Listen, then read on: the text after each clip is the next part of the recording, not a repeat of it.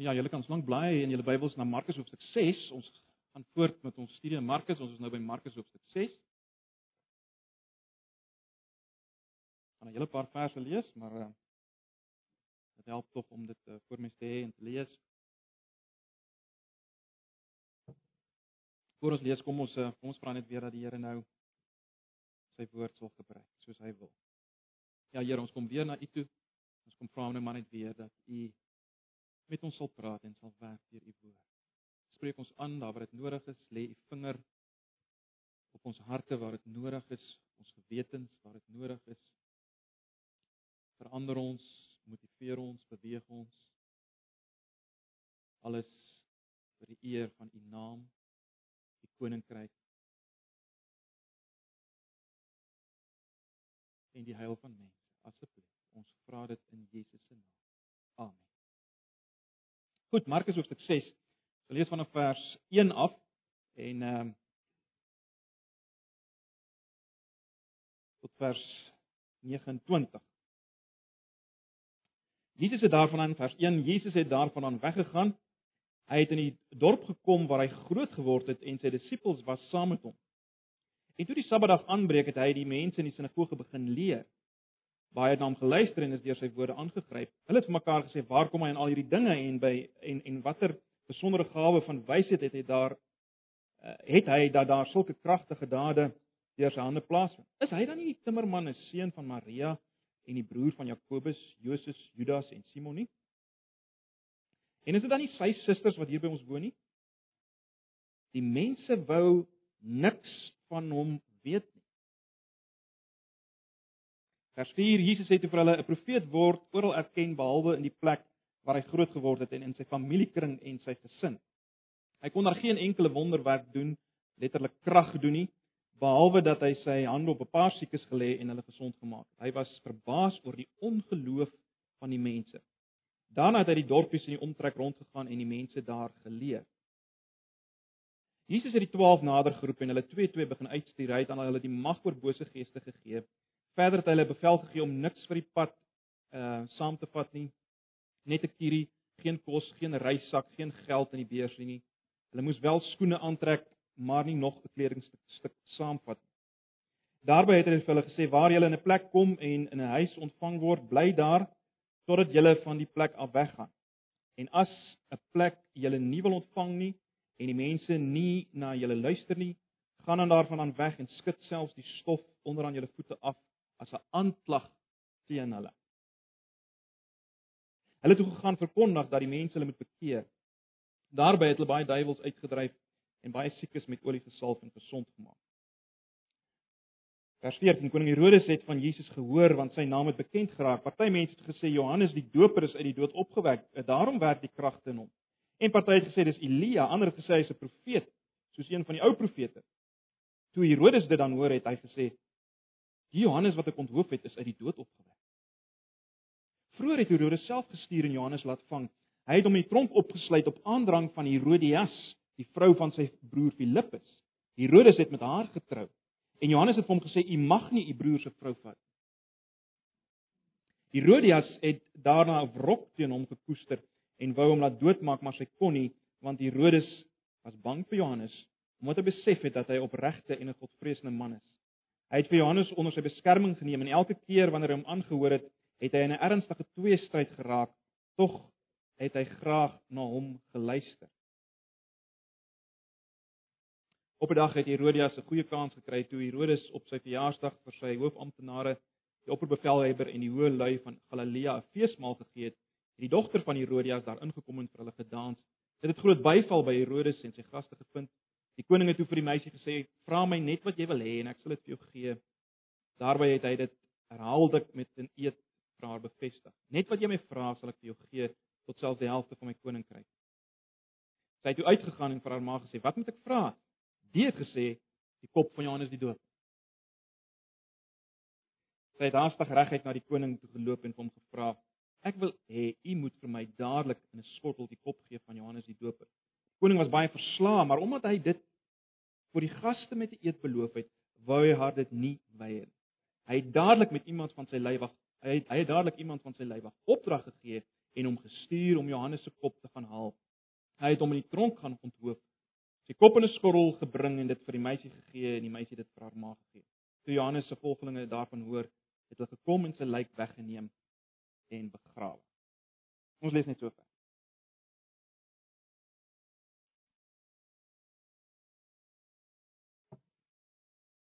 Waarom word ek en jy hier gelos op aarde in hierdie gemors nadat ons Christene geword het?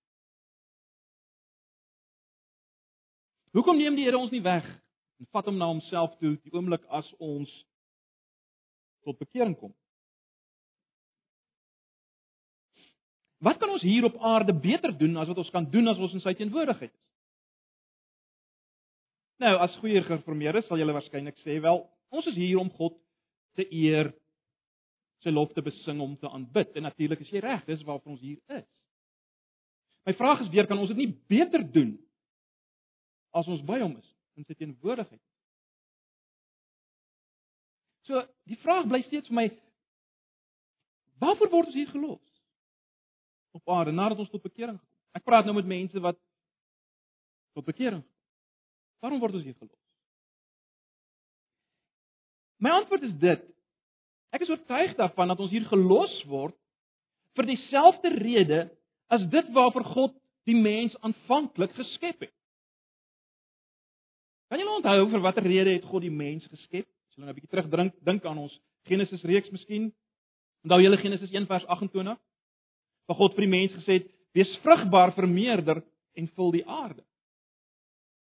En hy sê dit net nadat hy in vers 26 gesê het dat hy die mens skep na sy beeld. Geskep het na sy beeld. Met ander woorde, God wou gehad het sy beelddraers moes vermeerder en die aarde vul. Nou ons weet wat het gebeur nie lank nadat God hierdie woorde geuiter het nie. Ons ons weet dat die sondeval plaasgevind het. Maar broers en susters, ons vergeet dikwels dat God se plan nog nooit verander het. Hy wil nog steeds die aarde vul met sy beelddraers. Dis wat hy wil doen.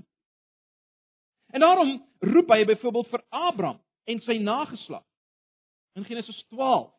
Uh, ek ek kan nie nou die hele Bybelse verhaal weergee hier nie, maar ek, ek vat nou net momente, né? uh, in Genesis 12 roep hy vir Abraham en sy nageslag juis om 'n seën te wees vir die nasies. Uh ons sien later veral in die boek Jesaja, hulle moes 'n lig wees vir die nasies. Met ander woorde, uh hulle moes die instrument wees waardeur mense weer na die Here toe kom sodat die aarde gevul kan word met sy beelde. God het nie afgesien van hierdie plan.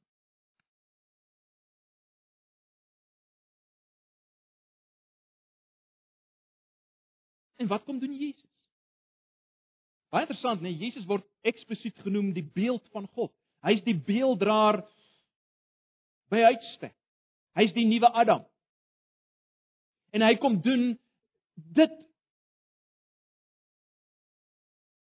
waarmee of laat ek so stel, hy kom doen dit wat die eerste mense nie kon doen nie. Waar waar hulle misluk het en waar waarmee Abraham en sy nageslag misluk het, hy kom as die finale lig vir die nasies, as die laaste finale beelddraer van God. Kom hy sodat mense gered kan word, mense herstel kan word as beelddraers van God en sodat die aarde gevul kan word met hierdie mense. Ek meen dis die hele punt van Matteus 28, is dit nie? Gaan dan nie en al die nasies, maak die mense my disippels. Hulle moet word soos ek al meer en meer. Al die nasies. Die hele wêreld. Ag, ons het al baie hier oor gepraat en ons kan nog ons kan weer daaroor praat. Maar die belangrike punt vir oggend om net weer te vat broers en susters is dit. Ons word hier vir een doel gelos. In ons taal om te getuig, om te evangeliseer, net soos jy dit wil uitdruk, sendingwerk te noem, sodat meer en meer mense gered kan word, herstel kan word tot dit waarvoor ons aanvanklik gemaak is beelddraers van God sodat die aarde gevul kan word met God se beelddraers. Of ons kan dit bietjie anders stel. Ons is hier om met ons woorde en ons lewens as te ware die vinger te wys na Jesus en te sê glo hom, vlug na hom, word verander deur hom, buig vir hom. Die koninkryk van God het naby gekom. Dis nou moontlik om weer te verander en te word dit waarvoor jy gemaak is. Bekeer julle en glo dit. Vat dit. Vat hom op sy woord. Dis al wat ons hier kan doen broers en susters wat ons nie kan doen as ons by hom is nie of in die hemel is as jy wil. Dis waarvoor ons hier gelos word. God het nooit afgesien van sy sy rede waarvoor hy ons gemaak het. Nou ek weet vanoggend dat die meeste van ons sal geen probleem hê om te erken dat dit so is. Maar bitter min van ons doen dit, né? Bitter min van ons doen juis dit. Ja, ons ons doen al die ander dinge wat ons terloops beter kan doen as ons by die Here is en ons doen dit ook nie baie goed nie. Maar hierdie een ding laat ons na, totaal en al dit wil. Ons praat baie daaroor. Maar as ek vanoggend direk sou vra wanneer laas het jy persoonlik iemand na die Here gelei? Vertel van Jesus. En oproep gemaak, luister verander jou denke, keer jou. Dink nie. Glo in hom. Kom na hom. Of wanneer laas het iemand vir jou gevra, luister man, jou lewe lyk so radikaal anders. Wat is dit met jou? En jy kon dit met hom deel. As ek vanoggend so vra, steek jou hand op. Moenie bekommerd wees, ek sal dit nie doen nie. Want dit kan dalk 'n verleentheid skep.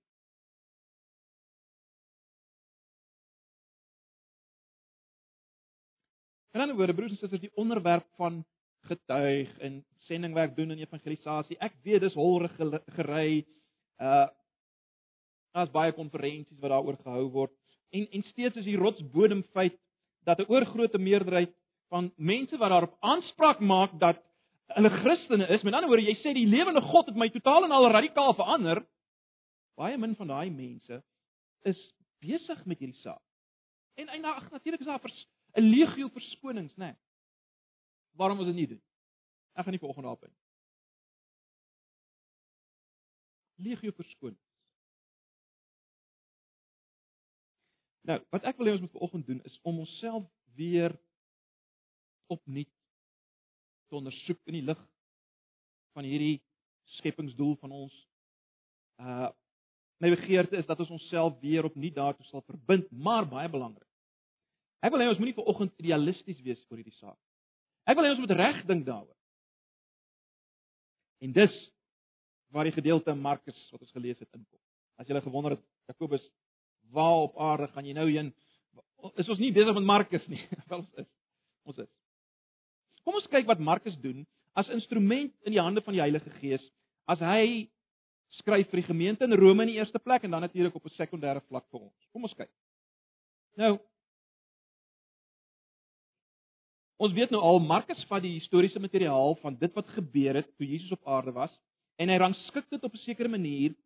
Hy wend dit aan op 'n sekere manier om vir die gemeente in Rome in moeilike tye In tye waar hulle 'n minderheid is, waar hulle teenkanting kry, hy wil vir hulle deur sy boek hierdie stuk wat hy geskryf het, wil hy vir hulle opnuut wys wie is Jesus?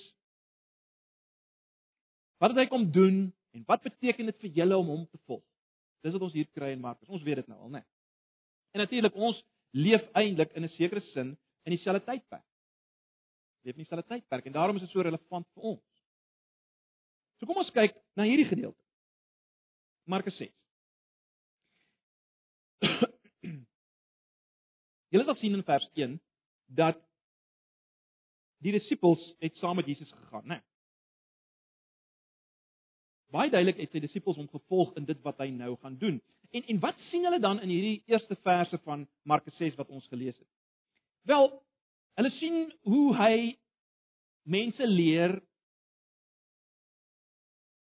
preek as jy wil. Hoe mense as te ware aangeraak word, maar baie belangrik wat ons volgende moet raak sien, hy sien hoe mense hom hulle sien hoe mense hom minag, aanstoot neem uh soos vers 3 dit stel. Hulle sien hoe mense niks van hom wil weet nie. Dis wat hulle sien as hulle nou saam met hom beweeg. Hulle wil niks met hom te doen hê. Direk na hierdie gebeure, die, na die eerste vers in vers 7 roep Jesus dan die 12 en hy stuur hulle uit. En dan in vers 14, vanaf vers 14 sien ons dat Herodes hoor van hierdie hierdie sending van die 12. Hy hoor daarvan en dan herinner dit hom ewe skielik aan Johannes die Doper en hy dink oog gats Johannes die Doper het lewend geword. En dan skets Markus vir ons die gebeure rondom uh, Herodes en Johannes die Doper vanaf vers 14. So wat doen Markus hier? Wat gaan hy aan? Wel, ek wil waag om te sê dat Markus gebruik weer die sogenaamde toebroodjie metode. Onthou julle waarna ons verlede uh, Sondag verwys het? Uh, met ander woorde, hy plaas 'n verhaal binne 'n verhaal sodat ons beter kan verstaan. Julle sal sien die bediening van die 12 vers 7 tot 13. sien julle dit? Die bediening van die 12 in vers 7 tot 13 word geplaas tussen twee dele. Wat? vers 1 tot 6 waar mense aanstoot neem van Jesus en vers 14 tot 29 waar die hele verhaal is van wat gebeur met Johannes die Doper. Right. In die middel daarvan kom die sending van die 12. In ander woorde binne die raamwerk van Jesus die groot sendeling vers 1 tot 6 Jesus die beelddraer van die Vader as jy wil. En aan die ander kant Johannes die Doper, die die groot getuie, die een wat die pad moes gelyk maak, Binne in dit, tussenin dit, sit Jesus die sending van die 12, die uitstuur van die 12. So met ander woorde wat Markus eintlik wil sê vir sy eerste lesers, en daarom vir ons op 'n volgende vlak is dit. Die sending van die 12 vind plaas in die konteks van verwerping en vervolging. Die sending van die 12 vind plaas in die konteks van verwerping en vervolging. Nou, as ons net 'n bietjie dink aan die groter konteks van die boek tot dusver, sal jy onthou uh, vanaf hoofstuk 4 vers 35 het ons gesien dat dis juis in moeilike tye, dis juis in die tande van die storm waar Jesus sy heerlikheid openbaar aan sy mense. So dis die groter konteks.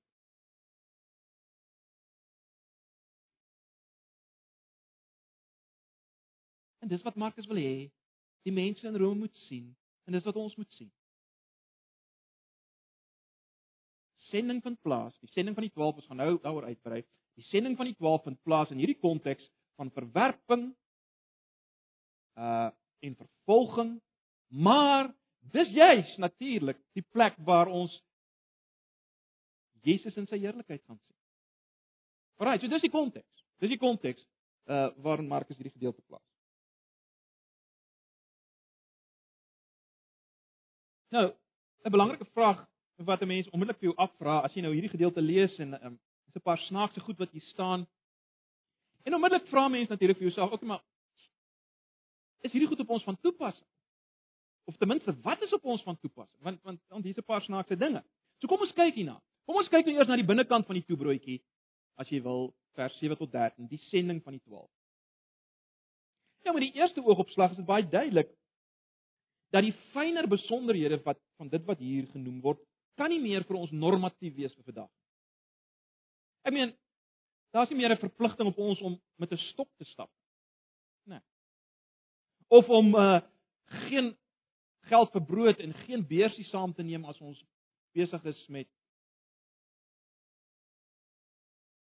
die werk van die Here, evangelisasie. Daar's geen verpligting op ons om ons om die stof van ons voete af te skud. Ek meen die meeste van ons het nie stof op ons voete nie. Nee. So ek bedoel dis, dis jy voel dit aan met die eerste oogopslag. En net so terloops, ehm um, die gebruik om mense met olie te salf is ook nie normatief. Ek dink nie so nie. Want is interessant die die die die term wat hier gebruik word in die Grieks uh is nie die term wat gebruik word vir 'n vir 'n handeling waar daar 'n uh, iets van 'n 'n sakrament betrokke is nie, iets heilig is nie. Dis dis maar dis iets anders wat gebruik word in die Grieks. Dit dui maar op die gewone gebruik van van van olie in die Midde-Ooste. En op 'n of ander manier was is dit gebruik as 'n hulpmiddel tot geloof in die pasiënte, maar dit is nie normatief vir ons nie.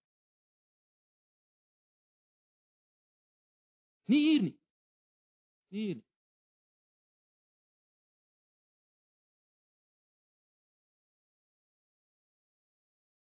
Selfs die uitdryf van die duiwels is waarskynlik nie op dieselfde manier op ons van toepassing. Ons weet die die die, die duiwels in die Nuwe Testament was was was veral gekoppel aan fisiese siektes. En dit was 'n die uitdrywing van die duiwels was 'n teken dat die koninkryk gekom het volgens Jesus in Matteus 12. Maar of of dit presies op dieselfde manier in ons tyd moet gebeur, wel dit is nie so duidelik nie, né?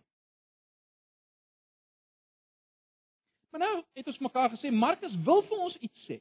Hy wil vir sy eerste lesers iets sê en hy wil vir ons iets sê uh oor dit waarvoor ons hier is. ons getuienis staak as jy dit as jy wil.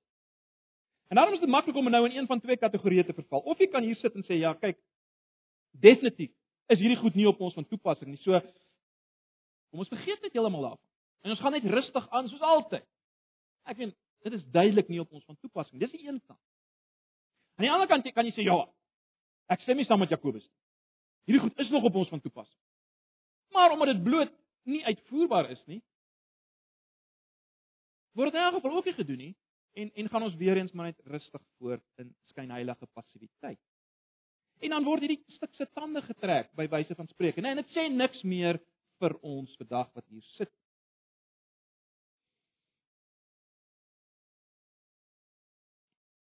Nee. Broers en susters, hierdie gedeelte het 'n definitiewe boodskap vir ons. En die eerste ding wat ons moet raak sien en dis baie belangrik, is die feit dat Jesus die 12 uitgestuur het. Dis nie om dowe neete nie, né? Nee. Ons het al daaraan geraak, maar ek noem dit weer. Baie duidelik die 12 is 'n is 'n sinspeling as as jy wil op die op die 12 stamme van Israel. Met ander woorde, Jesus is hier besig met 'n nuwe begin van 'n nuwe volk. Meer belangrik, hierdie 12 is die begin van die kerk van Jesus. Ons weet in in in Eksodus 19 vers 6 sê die Here vir Israel: "Julle is 'n heilige volk, 'n koninklike priesterdom."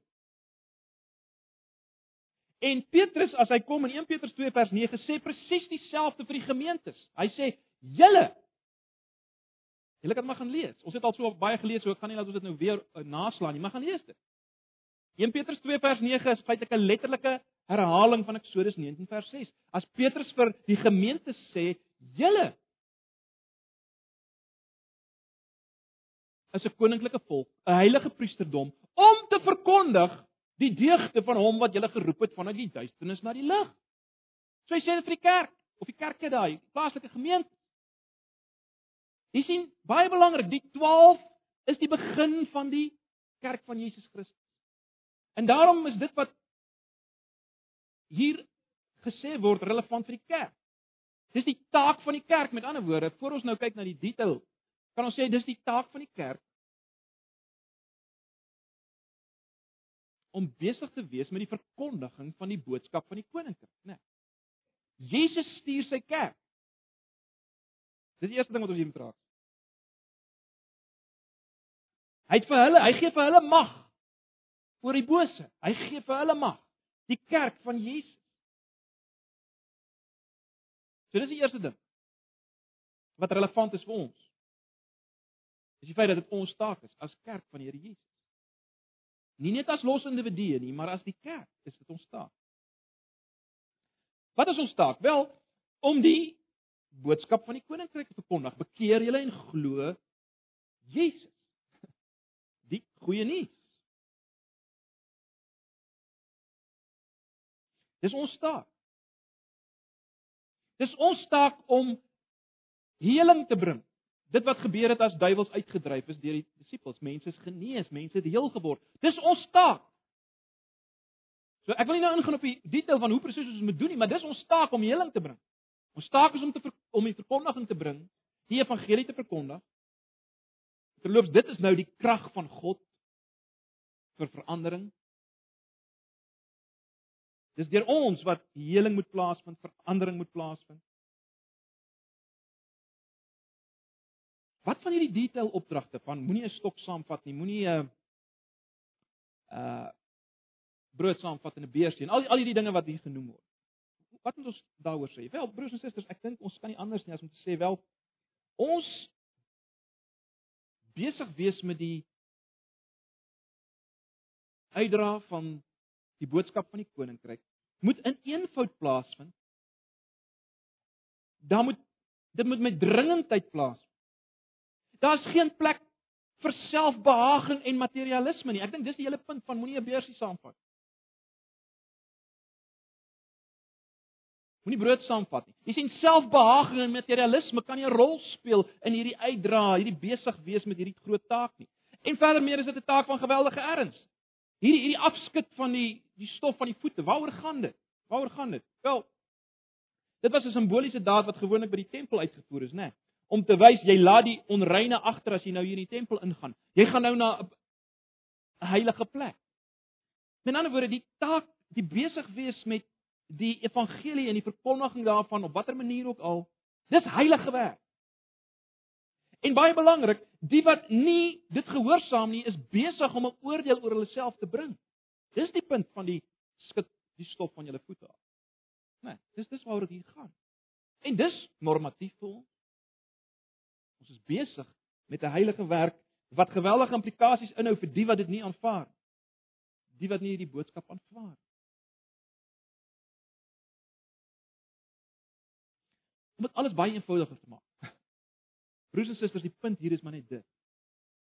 Die kerk se besig wees met die verkondiging van die evangelie gaan 'n impak hê op hulle normale lewenstyl. Dit wat Jesus hier met die 12 doen, waarop hy hulle roep, het 'n geweldige radikale impak gehad op die manier hoe hulle geleef het tot nou toe. Né? Nee. Hulle moes anders begin leef. Dis die punt. En dit bly normatief. Ons is besig met 'n dringende, beslissende heilige werk. Waarvoor ons terloops bestaan, die rede waarom ons nog nie weggeneem is nadat ons kinders van die Here geword het. Dis wat ons moet vat. Maar wat kan ons verwag as ons besig is hiermee? Wat kan ons verwag as ons besig is hiermee?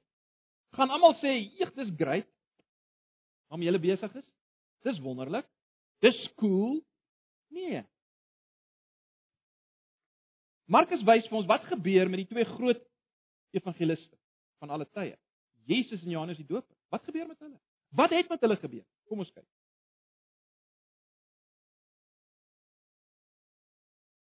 As ons kyk nou na die boonste sny van die toebroodjie, vers 1 tot 6. Kom ons kyk na die boonste sny van die toebroodjie. Wat was die gevolge van Jesus se lering en sy prediking? Wel, kom ons dink eers breed, né? Nee, dit wat ons tot nou toe gesien het. Ons het gesien massas het hom gevolg, né? Nee, verseker. Massas het hom gevolg waarskynlik om deel te wees van die opwinding.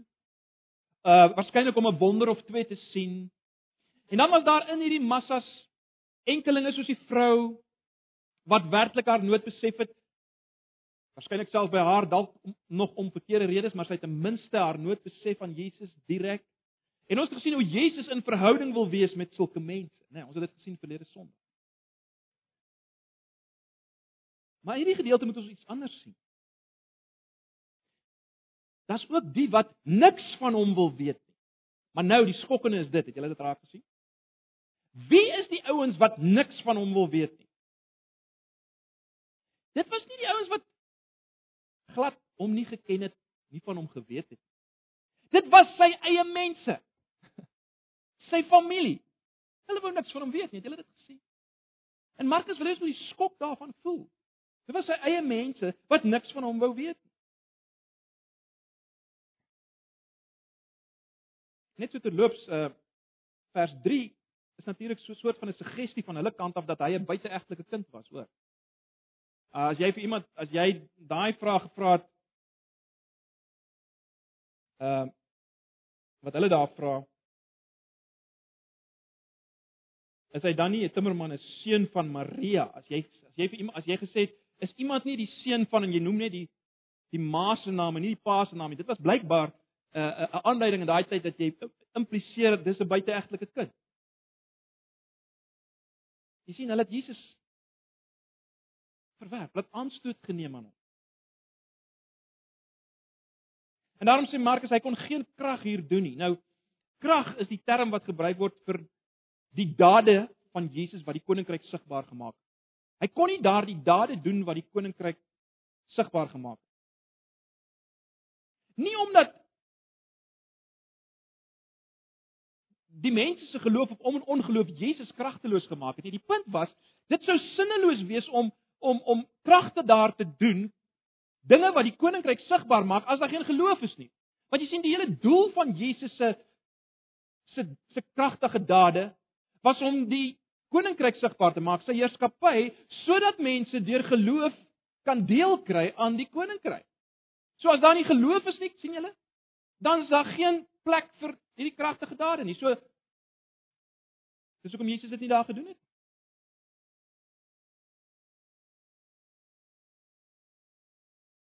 Ons lees in vers 6, sien julle dit? Dat Jesus verstom was. Kyk na vers 6. Hy was verbaas, letterlik verstom oor die ongeloof van die mense. sien julle dit in vers 6? Hy was verstom. Hy was verstom oor die ongeloof. Die feit dat mense dit nie gevat het hom nie op sy woord geneem het. Maar goed, wat sê dit vir ons? Broers en susters, ek dink om dit baie eenvoudig te stel, as ons besig is met die evangelie, met die groot taak waarvoor die Here ons hier gelos het, dan moet ons weet mense gaan aanstoot neem. En baie belangrik, juis die wat oorbekend is met die boodskap gaan aanstoot neem. Dit wil jou eie eie mense. Mense in jou eie gesin. Dalk jou eie kinders gaan aanstoot neem. Dis wat Jesus sê. Mense in die gemeente dalk gaan aanstoot neem. Ons moet dit verwag. Ons moet verwag dat daar gaan ongeloof wees juis by die mense wat die evangelie ken. Dis die skokkende hier. So dis wat hierdie boonste deel van die toebroodjie ons leer, die boonste sny. Kom ons kyk na die onderste sny. Vers 19 tot 9, ag vers 14 tot 29. Johannes en Herodes. Kom ons kyk 'n bietjie hierna. Dis 'n baie interessante gedeelte. Kom ons vra onsself, as gevolg waarvan is Johannes die Doper doodgemaak? Ons dink eers net breedweg hieroor. Wel, ons kan sê Hy is doodgemaak as gevolg van die subtiliteit van sonde in die lewe van een van sy getrouste toehoorders. En ek wil ons moet iets daarvan vanoggend sien. Kom ons kyk 'n bietjie hierna. Het julle opgelet in vers 20 dat uh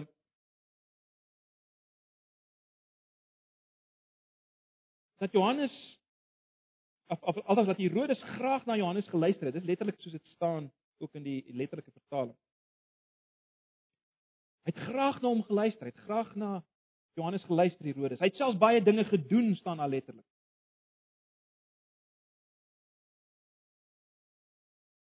Waarskynlik het hy baie veranderinge in sy regeringsgebied aangebring. In die lig van dinge wat Johannes gesê het, ons weet nie. En tog is dit die ou en hy wat Johannes die doper laat onthoop. Hoekom was dit so? Kom ons dink 'n bietjie vinnig net daaroor. Kom ons kyk kort op so dink kortliks hoekom hoekom het Herodes so graag na Johannes geluister en en tweedens hoekom het hy ten spyte van dit alles Johannes doodgemaak? Kom ons dink net vinnig daaroor. Eerstens, hoekom het hy van Johannes gehou? Wel, die ander ding is daar dat as gevolg van die die lewe van Johannes die doop die manier hoe hy geleef het en sy hele persoonlikheid. As gevolg daarvan het Herodes graag na hom geluister. Herodias het nie so gevoel nie, hoor. Baie ander het nie so gevoel nie. Maar maar Herodes het het het besef hier, hier is iemand wat anders is. Hier's 'n man van God. En hy het hom gerespekteer. Hy het homself in die tronk besoek want hy hier's iets anders by hierdie ou. Verder meer kan ons sê hy het geweet dat dit wat Johannes sê is waar. Hy het geweet dit is waar. Hy het net geweet dit is die waarheid. Hy het nie heeltemal daarvan gehou nie, maar hy het geweet dit is die waarheid. Terwyl weer eens Herodias en die ander mense daar in die paleis het nie so gedink. En 'n mens sou kon sê Johannes ag Herodes was onder 'n soort van 'n oortuiging terwyl hy geluister het na Johannes. Hy was onder 'n soort van 'n oortuiging. Kyk, hy het graag na Johannes geluister ten spyte van die feit dat Herodias, hierdie vrou, teen dit was en ten spyte van die feit dat hy geweet het, kyk, Johannes die Doper gaan my kap oor dit wat hy besig is om te doen. Hierdie hierdie onbehoorlike verhouding van my. Hy gaan my aanspreek daaroor ten spyte daarvan. Het hy het hy gekom.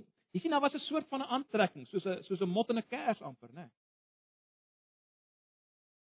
En tog, broers en susters, sien ons dat uh dit alles lei nie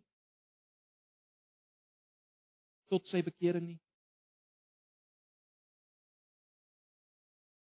Inteendeel hy laat Johannes die Doper, hierdie selfe Johannes, na wie hy so graag geluister het, hy laat hom onthoop. Hoekom? Wel, baie baie eenvoudig, daar was twee dinge. Eerstens sy liefling sonde Herodias en tweedens sy liefde sy begeerte om populêr te wees by die mense. Hy hy wou nie hy wou nie ongewild wees by die mense nie want hy het nou gesê hy hy hy sal die hy sal hierdie geskenk gee vir vir hierdie dogter van Herodia. En hy, hy kan nie nou teruggaan op sy woord nie want die mense, die mense is belangrik. Dis die een ding. En die ander ding is eh, Herodias uh, en alles waarmee saamgaan uh, waarskynlik die die seksuele hier rol gespeel. Dit was sy lieflingssonde. Dit was sy lieflingssonde. En as gevolg van hierdie twee dinge, broers en susters, het hy Johannes laat onthoor. Dit of dit uiteindelik gelei daar, né? Nee, dit het uiteindelik gelei daar. So wat sê dit vir ons? Wel, ek dink ons moet mekaar sê dat wat ons moet raak sien is dat daar ook vandag in ons midde sulke amper Christene sal wees, né? Nee. Miskien is jy vanoggend sulkes hier in hierdie gebou, amper Christene. Mense wat baie daarvan hou om onder die prediking te sit. Hulle sal selfs praat oor hoe wonderlik die preke is. Maar maar daar's 'n lieflingssonde. En daar's die begeerte om die wêreld te behaag, om die mense rondom hulle en as gevolg daarvan kom hulle nooit werklik by die Here uit. Dit mag wees dat jy een van hulle volgens is. Mag wees. En as gemeente moet ons weet as ons besig gaan wees met die evangelie, dan gaan ons sulke skry. Wat nie net gaan aanstoot neem nie, maar ons gaan vervolg as gevolg van hulle geheime sonde en hulle liefde vir mense.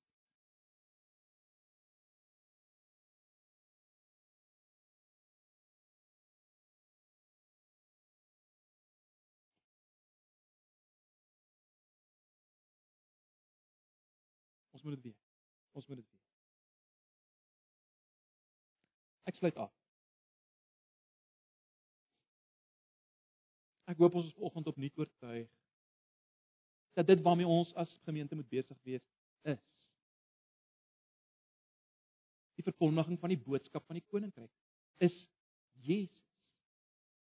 Wat hy kom doen het, ons moet dit verkondig. Ons moet heling bring. Die Here gee krag vir ons as sy gemeente om dit te doen. Maar ons moet dit ook oggend oggend ook weet, broers en susters, dat uh dit 'n pad is waar ons verwerping kan verwag, juis van die mense wat baie bekend is met die evangelie. En dis die pad waar ons kan verwag dat ons gaan vervolging kry.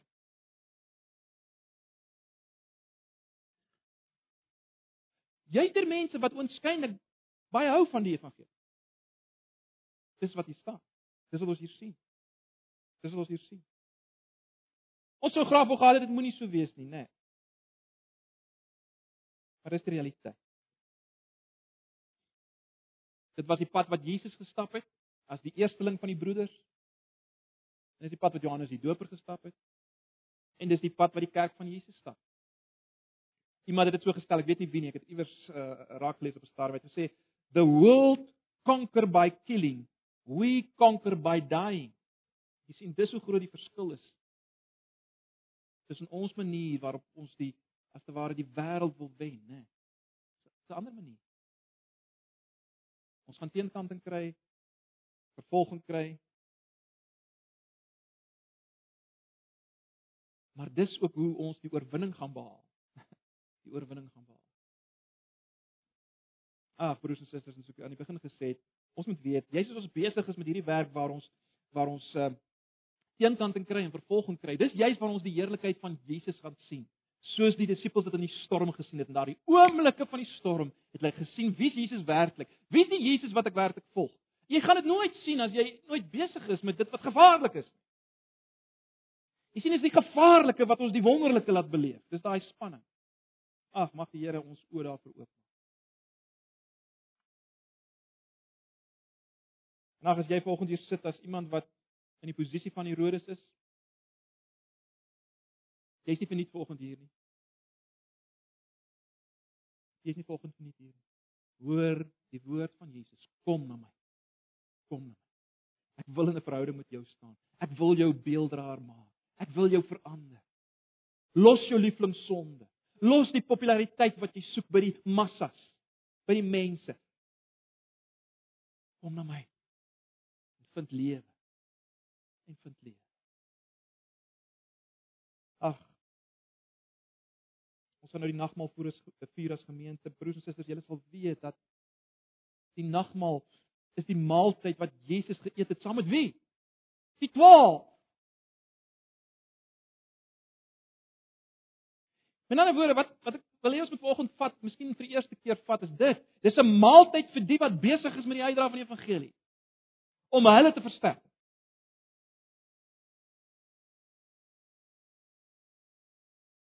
Dis ons as gemeente, vir elkeen wat deel is.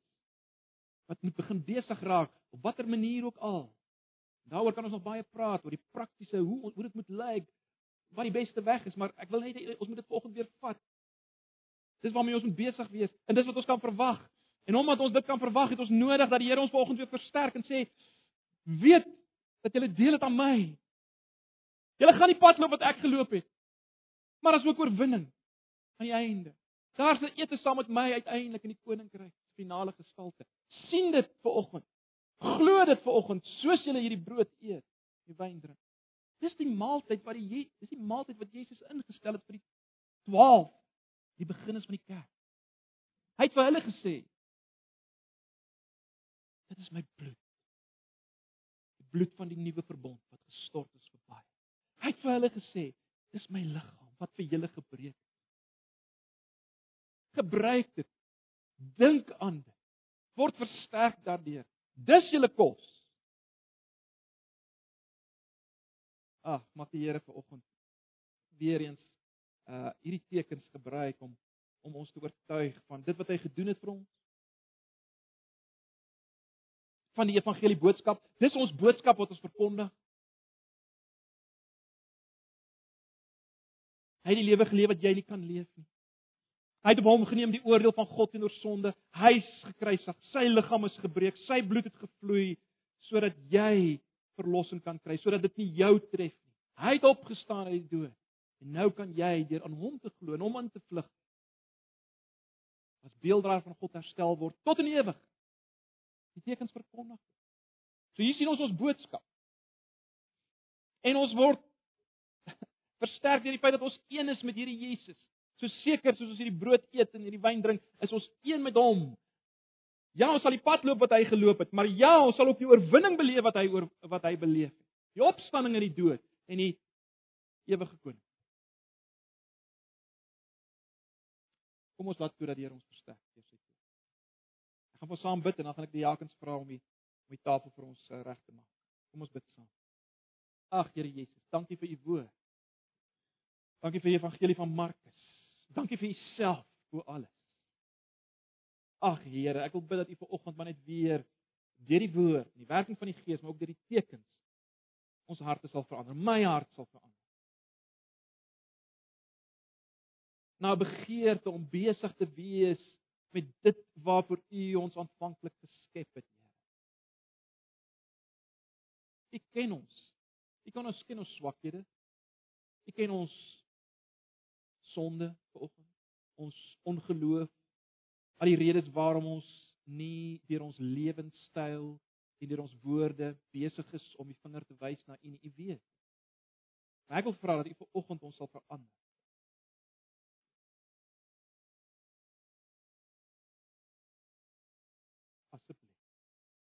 Beginnende by my. Here as jy volgens iemand sit wat in die posisie is van die Herodes of in die posisie van die skare die eie mense van Jesus waar ook al watter posisie ook maar die wat nie wil buig en u wil volg en in 'n persoonlike verhouding met u wil leef nie ag Here sal u nie met hulle nou werk in hierdie oomblik op u manier. Asseblief. Ons vra dit in Jesus se naam. Amen. Wat die diakens